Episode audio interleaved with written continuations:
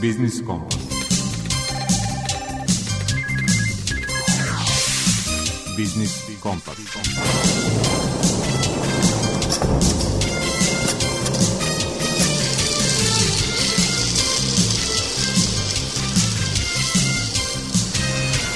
Pred mikrofonom je Đuro Vukelić.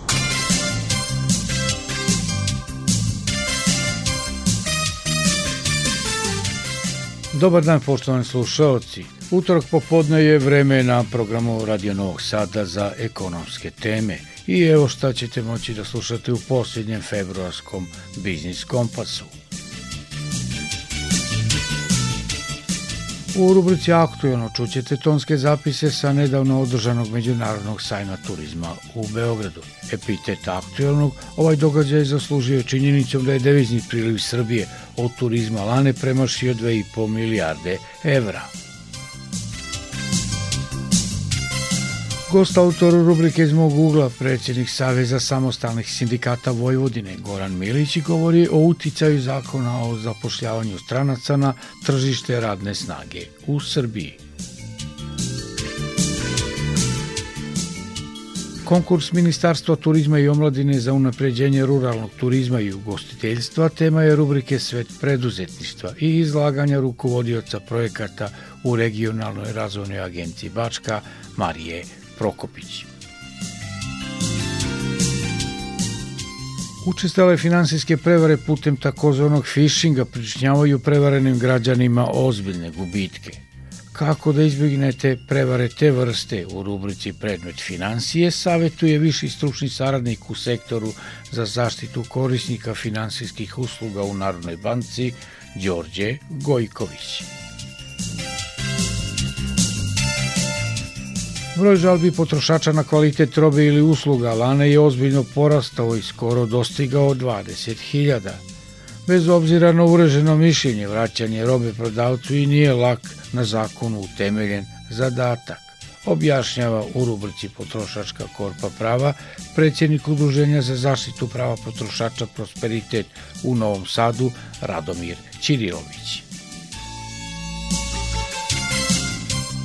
I posle upoznavanja sa sadržajem Biznis Kompasa poslušajmo prve muzičke taktove za danas.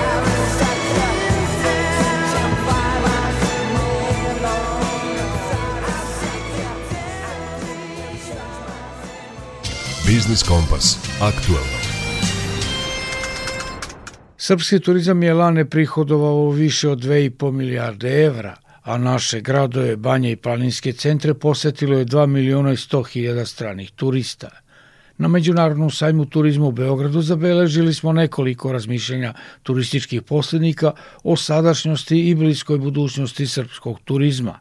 Sekretar Udruženja za turizam u Privrednoj komori Srbije Tijana Maljković kao postignuće u turističkoj 2023. ističe rekordne posete i priliv, ali i to što se turistički proizvod širi i regionalno ravnomernije.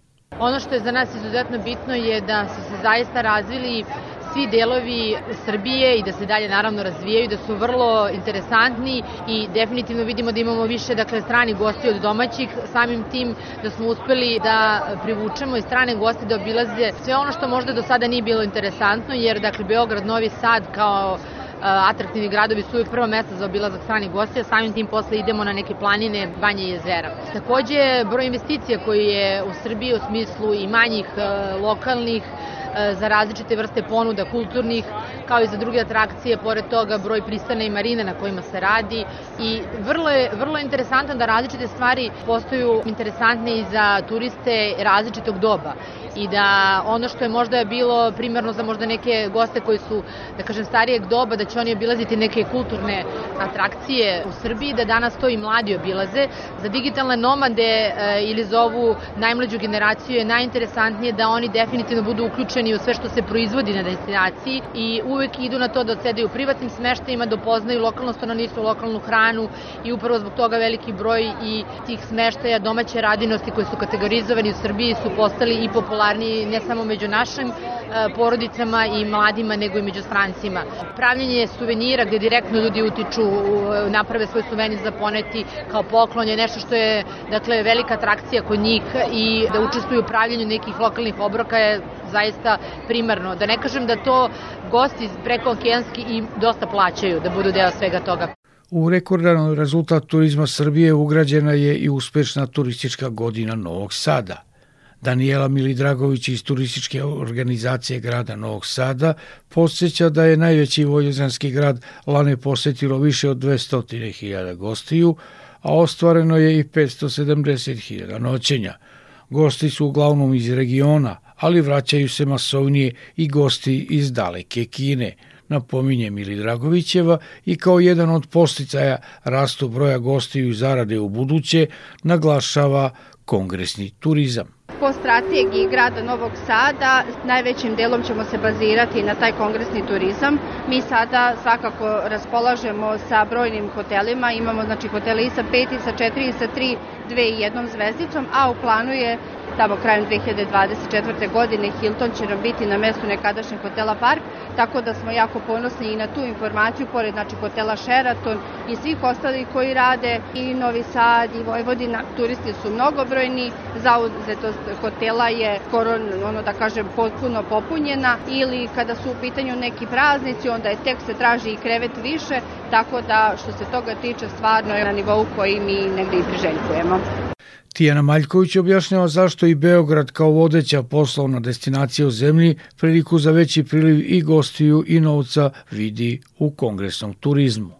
Posetioci kongresa najviše troše na destinaciji. To je uglavnom odsedanje u hotelima sa četiri zvezdice, nekad tri, ali to su uglavnom hoteli sa četiri zvezdice. To je obavezno ostajanje od minimum tri noći radi samog dolaska i e, posete samom kongresu. Ti gosti su uglavnom e, visoko obrazovani i višeg standarda gosti, tako da oni definitivno troše na destinaciji i odlaskom u restorane i obilaskom nekih događaja koji zahtevaju zaista neku finansijsku podlogu. Ono što možemo reći da je Beograd i jeste kao takav e, dominira sa poslovnim gostima i da popunjenost hotela gradskih je uvek veća radnim danima nego vikendom. Tako da ono što Beogradu nedostaje je ta neka dodatna ponuda za goste vikendom, te neke city break paketi na kojima se uvek radi, ali uvek može naravno i više. Bilo gostima kongresa ili lečilišta i Vrnjačka banja uvek nudi nešto novo, kaže direktor tamošnje turističke organizacije Ivan Trifunović. Ove godine smo otvorili jedan vidikovac stakleni prvi u Srbiji na Crkvenom brdu, kreće izrada gondole Banja Goč, Novak Đoković, državni projekat, tako da mi hoćemo našim gostima da damo jedan kvalitet boravka pored svega onog tradicionalnog što imamo, da budemo i krajnje moderno mesto za sve goste koji dođu u Vrnjačku banju. Dugoročnije gledano za srpski, ali i turizam regiona od velike važnosti biće organizovanje izlužbe Expo 2027 u Beogradu, jer će izlagači i gosti zbog blizine obilaziti i turističke destinacije u okruženju, zaključuje Maljkovićeva. Ba, ba, ba, ba, ba, bren. ba, ba, ba, ba, ba, bren. oh, ba, ba, ba, ba, ba, ba.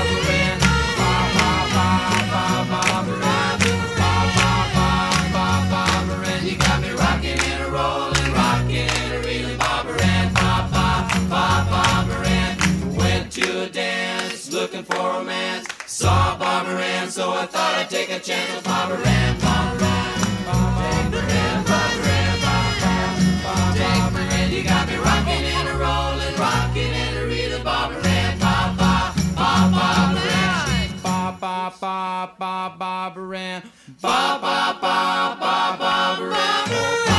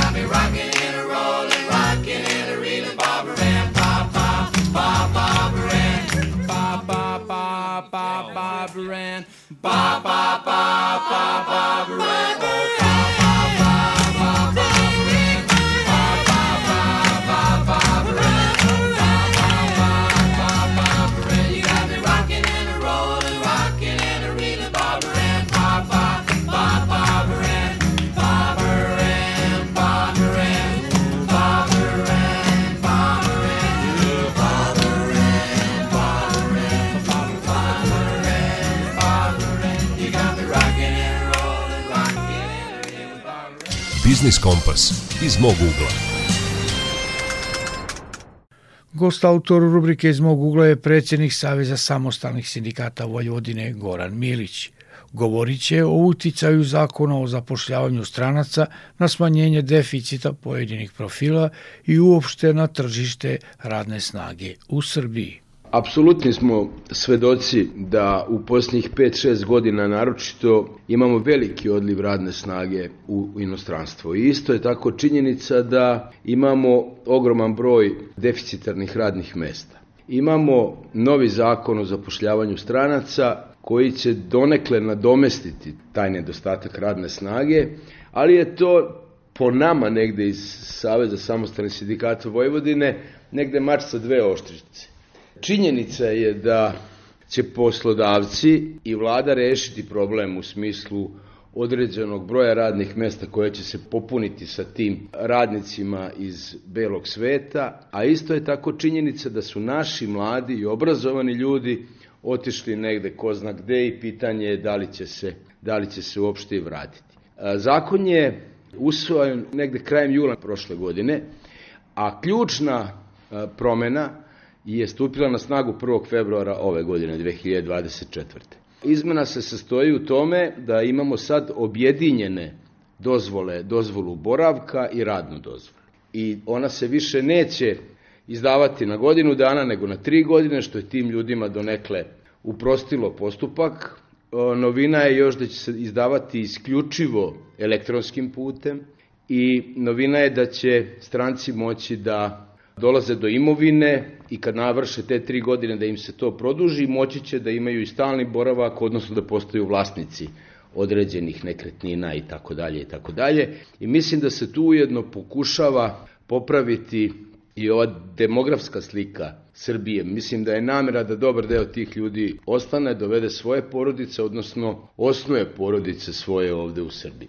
Što se tiče sektora u kojima su najviše zastupljeni radnici koji dolaze u Srbiju, a da vas podsjetim, to su najviše radnici iz Kine, Indije, Pakistana, Rusije, Ukrajine, Turske, to je otprilike gro stranaca, a sektore koje pokrivaju to je većinom građevina, saobraćaj, ugostiteljstvo, naročito tokom letnjih meseci kada naši ljudi odlaze ovaj, da li u Hrvatsku, da li dalje u, u Evropu i to je negde otprilike gro. Mada ih ima i u proizvodnji. Ja sam recimo bio u Odžacima pre godinu dana, godinu i po da nešto smo posetili fabriku i bili su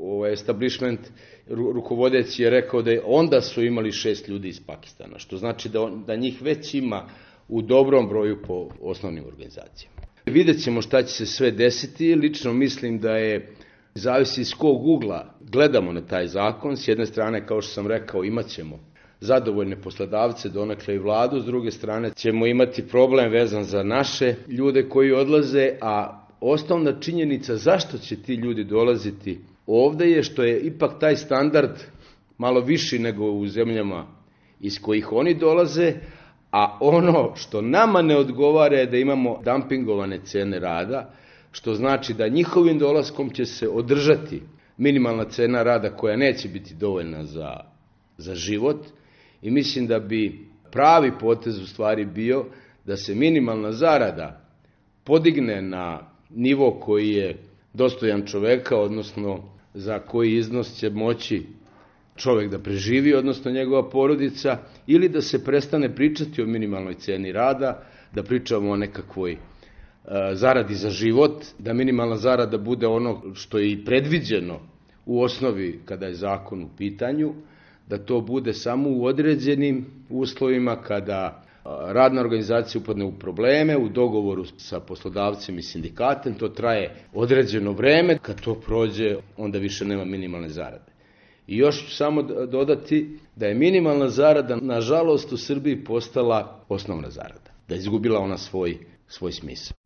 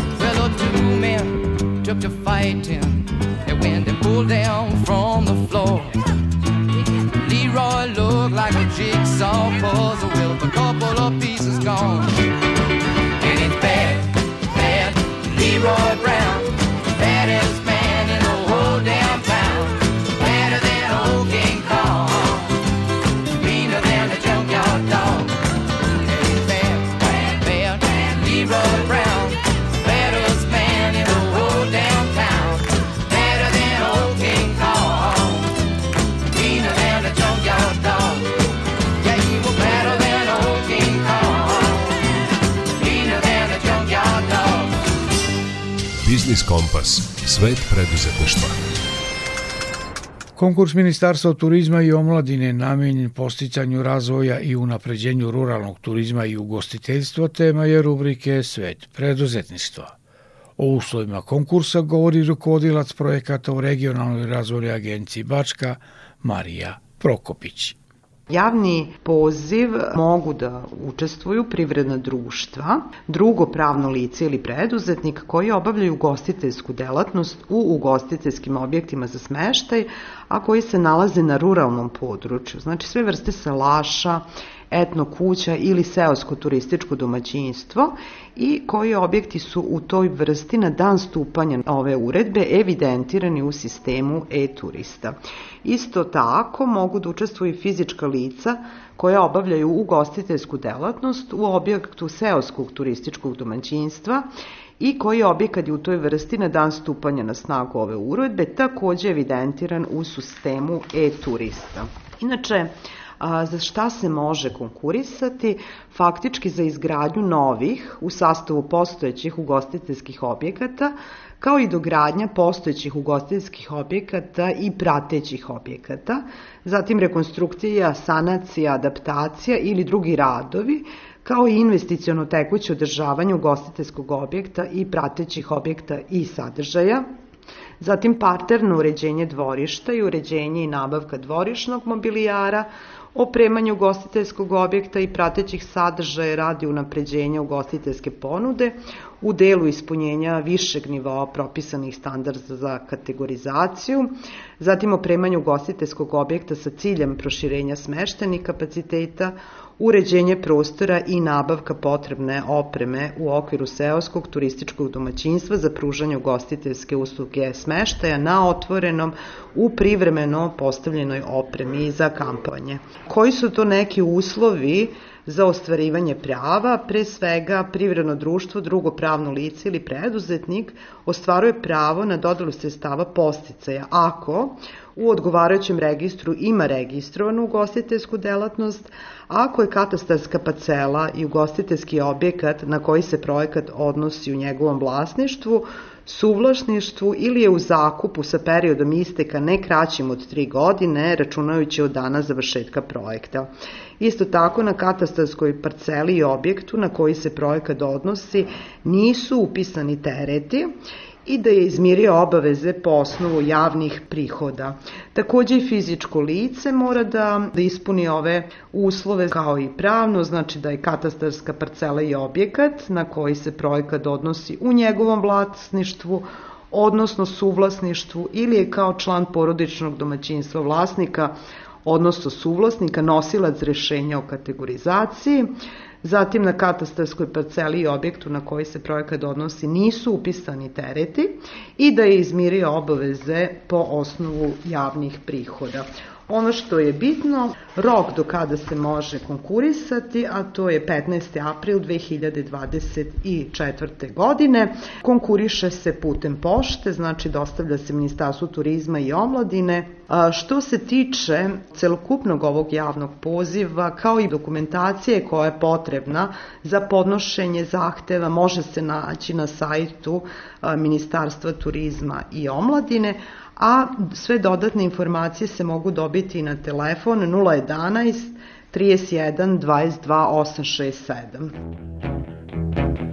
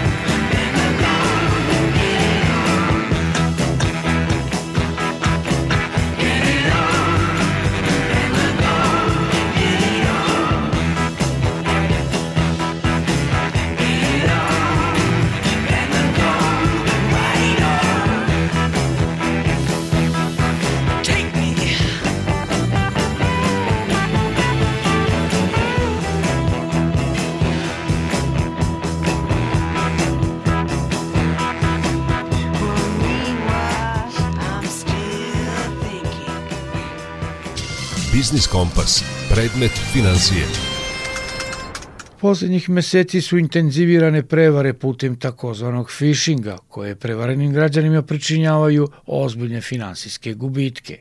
Kako da izbjegnete phishing prevare, sa njima i gubitke, u današnjoj rubrici Prednet financije savjetuje vas viši stručni saradnik u sektoru za zaštitu korisnika finansijskih usluga u Narodnoj banci, Đorđe Gojković. Narodna banka Srbije je postupala u velikom broju slučajeva koji se odnose na phishing i sada posle par meseci intenzivne phishing kampanje moguće utvrditi nekoliko pojedinosti, detalja, obeležja zajedničkih za većinu prevara. Prepoznavanje tih obeležja će korisnicima pomoći da zaključe da je reč o prevarita, da ne nasednu na prevare i da posledično ne izgube svoj novac. Tipičan phishing napad se odvija tako što korisniku na broj telefona stigne poruka u kojoj se kriminalci predstavljaju kao neko drugi, banka, firma ili državni organ. U poslednje vreme vrlo aktuelan primer je lažno predstavljanje kao pošta Srbije. Već na prvom koraku moguće je prepoznati da je reč o phishingu – Poruke koje korisnik dobija obično stižu od nepoznatog pošiljaoca, neretko sa inostranog broja mobilnog telefona ili potpuno nepoznate e-mail adrese. Ove poruke često sadrže gramatičke greške ili izraze koji nisu u duhu srpskog jezika. Primjer radi u obraćanju korisniku ne menjaju imenice po padežima, pa se tako ponegde može pročitati poštovani korisnik umesto poštovani korisniče ili mešaju ćirilicu i latinicu i slično. Phishing poruke takođe obično ciljaju na emocije korisnika poput straha ili zabrinutosti, stvarajući tako osjećaj žurbe kod korisnika kome se predočavaju nekakve negativne posledice ako ne postupi po uputstvima u poruci. U navedenom primjeru sa poštom obično se kaže da je nemoguće isporučiti pošiljku dok se ne ažurira adresa ili da je potrebno platiti carinu za robu koja je tu i ostala dok se ista ne uplati. U uporednoj praksi postoje primjeri gde se kriminalci predstavljaju kao elektrodistribucija koja korisniku preti isključivanjem struja ako ne plati odmah ili se predstavljaju kao banka koja upozorava korisnika da izmiri nekakav dug u vrlo kratkom vremenu, inače će u suprotnom recimo aktivirati hipoteku i slično. Treba imati u vidu da phishing preko tekstualnih poruka, SMS-a ili e-maila nije jedini tip ove prevare zato što ima situacija kada kriminalci izvrše spoofing, odnosno tehniku koja im omogućava da kada korisnika pozovu, na telefonu ne izađe broj kriminalca, već broj banke ili neke druge institucije. Takođe moguće scenarij u kome se vrši spoofing na sajtovima, obično onim za kupovinu, pa korisnik kupujući, odnosno misleći da kupuje izvesne proizvode, zapravo vrši plaćanje kriminalcima. Najbolji način zaštite od navedenog je da korisnik pre svega zna da banka – niti bilo ko drugi od njega neće tražiti poverljive podatke o platnoj kartici. S druge strane, kad je reč o sajtovima, potrebno je dobro proveriti domen sajta, dizajn i izgled prozora koji se otvara kada se pristupi plaćanju. Kako se dakle zaštititi od phishinga? Treba pažljivo čitati sve poruke, a naročito one koje sadrže jednokratnu lozinku za plaćanje. U njoj redovno piše svrha za koju jednokratna lozinka služi, te ako je reč o plaćanju sadrži iznos, valutu, ime trgovca kod koga se nešto kupuje. Treba biti pribran i znati da napadi najbolje uspevaju kada se korisnik uspaniči. Ako korisniku nepoznato lice nudi nešto što je previše dobro da bi bilo istinito, kao prebrza i laka zarada, najverovatnije reč o prevari. Ne treba preuzimati sumnjive priloge i treba se dobro obavestiti o pravilima korišćenja platnih kartica. Šta ako neko ipak nasedne na prevaru? Treba odmah i bez odlaganja pozvati banku čija je platna kartica zloupotrebljena radi blokade platne kartice kako bi se sprečila dalja zloupotreba. Potom korisniku stoji na raspolaganju reklamacija, odnosno prigovor koji može uputiti banci u cilju eventualnog povraćaja novca izgubljenog putem prevare. Najzad, ako je korisnik nezadovoljan odgovorom banke, može uputiti pritužbu Narodnoj banci Srbije ali bolje ipak od svega navedenog je prema onoj narodskoj sprečiti nego lečiti, pa će korisnikov novac biti najsigurniji ukoliko preduzme sve korake prevencije i kod internet plaćanja uvek postupa sa dužnom pažnjom.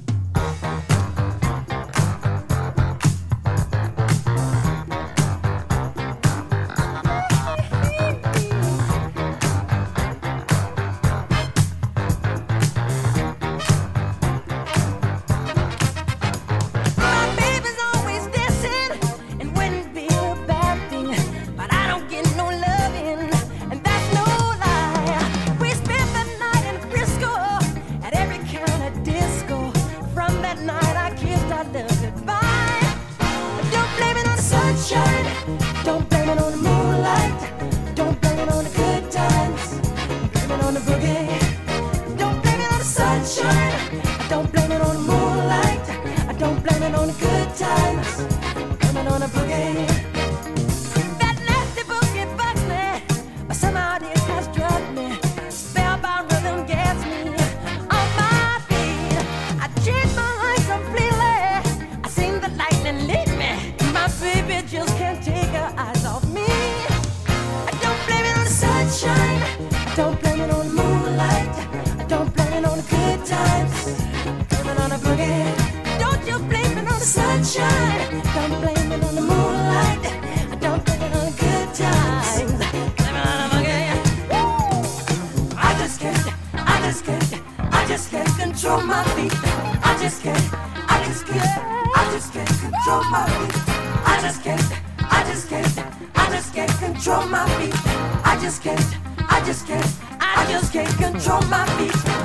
I Don't blame it on the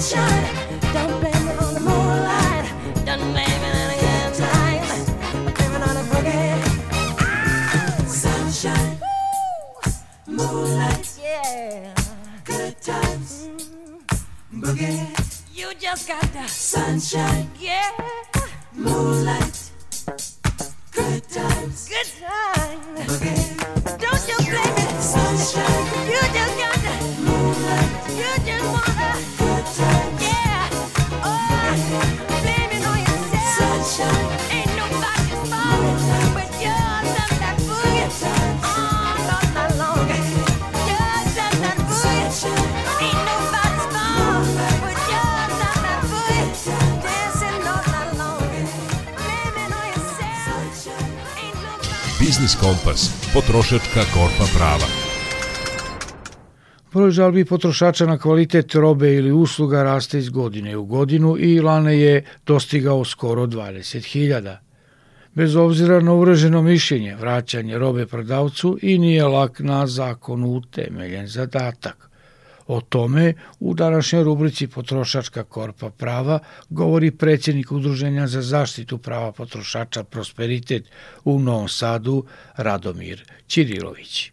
Zakon o zaštiti potrošača u poređenju sa zakonima iz nekih država članica Evropske unije praktično je identičan, ali u praksi je sve to prilično drugačije. Nekim trgovcima dozvoljeno je da na dnevnom nivou više puta krše zakona, pri tome da ne snose nikakve sankcije za tako postupanje. Nažalost, zbog e, takve situacije potrošači izuzetno teško mogu ostvariti svoja prava. Badava stalno ukazujemo da tržišna inspekcija mora ozbiljnije da se uključuje u tržišni nadzor i da nesavisne trgovce sankcioniše, a posebno da na licu mesta koristi prekršeni nalog kao moćno pravno sredstvo novog zakona. Prema podacima iz registra potrošačkih prigovora koji vodi Ministarstvo unutrašnje spoljne trgovine, a koje mi dostavljamo kao savjetovališta potrošača, konkretno i mi kao savjetovališta potrošača za region Vojvodine Prosperitet, u 2023. godini u Srbiji je bilo više od 19.000 prigovora na kupinu robu i usluge, najviše 3.000 na obuću, više od 1.600 na belu tehniku, vodosnabljevanja skoro 1000 reklamacija. Slede prigovori na kućne aparate, nameštaje uvjedljene komunalne usluge i na odeću. Potrošači se još žali i na neispravne mobilne telefone i električne energije, pogotovo za novembar i decembar mesec i koji traje i dan danas. Usluge prenosa televizijskog signala, mobilnu telefoniju, neispravne televizori, računare i IT opremu. Nažalost, za posljednjih 10 godina ništa se značajno nije promenilo u stvaranju kvalitetnog ambijenta na srpskom tržištu kako se i dalje ne bi prodavala roba lošeg i neproverenog kvaliteta. zbog čega nadležne inspekcije konačno moraju početi da rade svoj posao. Pravo na predomišljanje šta to znači obzirom da ima velike zabune kod potrošača. Mnogi potrošači žive u zablide da kao i građani u nekim zemljama Evropskoj unije mogu da se predomisle i uz račun korišćenu robu mogu da vrate trgovcu zato što im se ona ne dopada, ne odgovara boja, dizajn i slično. Međutim, ne može baš tako da se proizvoljno tumači zakon. To pravo potrošač može da ostvari samo u slučaju kupovine robe na daljinu, online kupovine ili izvan poslovnog prostora popunjavanja propisanog obrazca koji se dostavlja trgovcu sa vraćenom robom.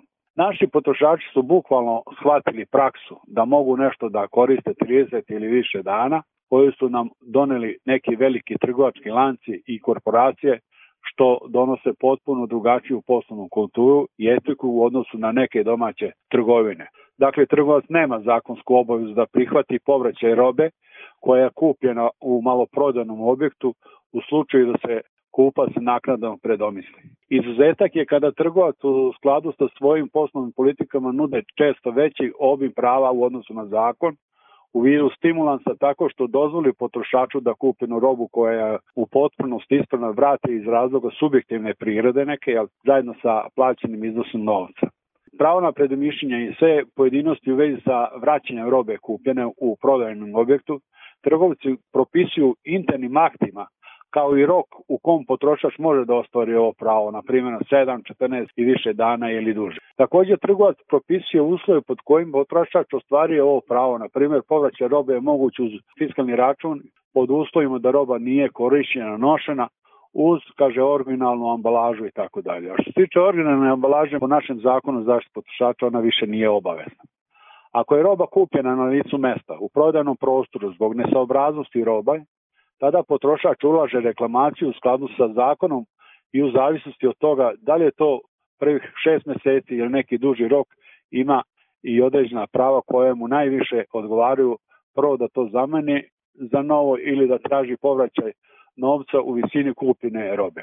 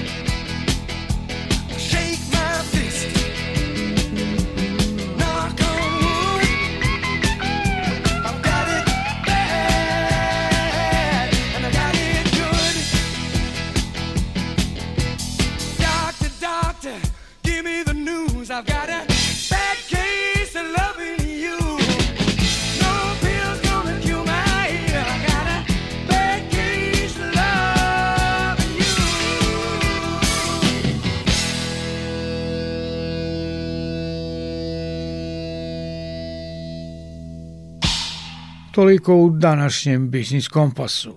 Poslušajte ga i naknadno na internet stranici Radio Televizije Vojvodine podcastu Odloženo slušanje. Muzički urednik Zoran Kaino, ton majstor Sabina Nedić i urednik emisije Đuro Bukilić on žele ugodan nastavak popodneva i večeri uz program Radio Novog Sada. Zdravi bili i čuvajte se.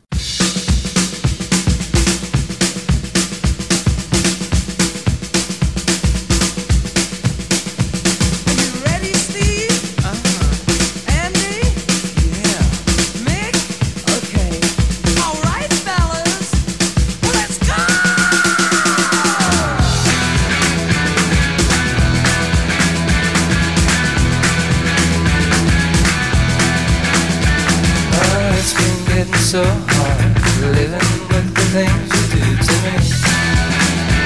Oh, my dreams are getting so strange. I'd like to tell you everything I see. Oh, I see a man the back. As a matter of fact, his eyes are as red as the sun. And the girl in the corner let no one ignore she thinks she's the passionate one. Oh, yeah, it's like life. soothing.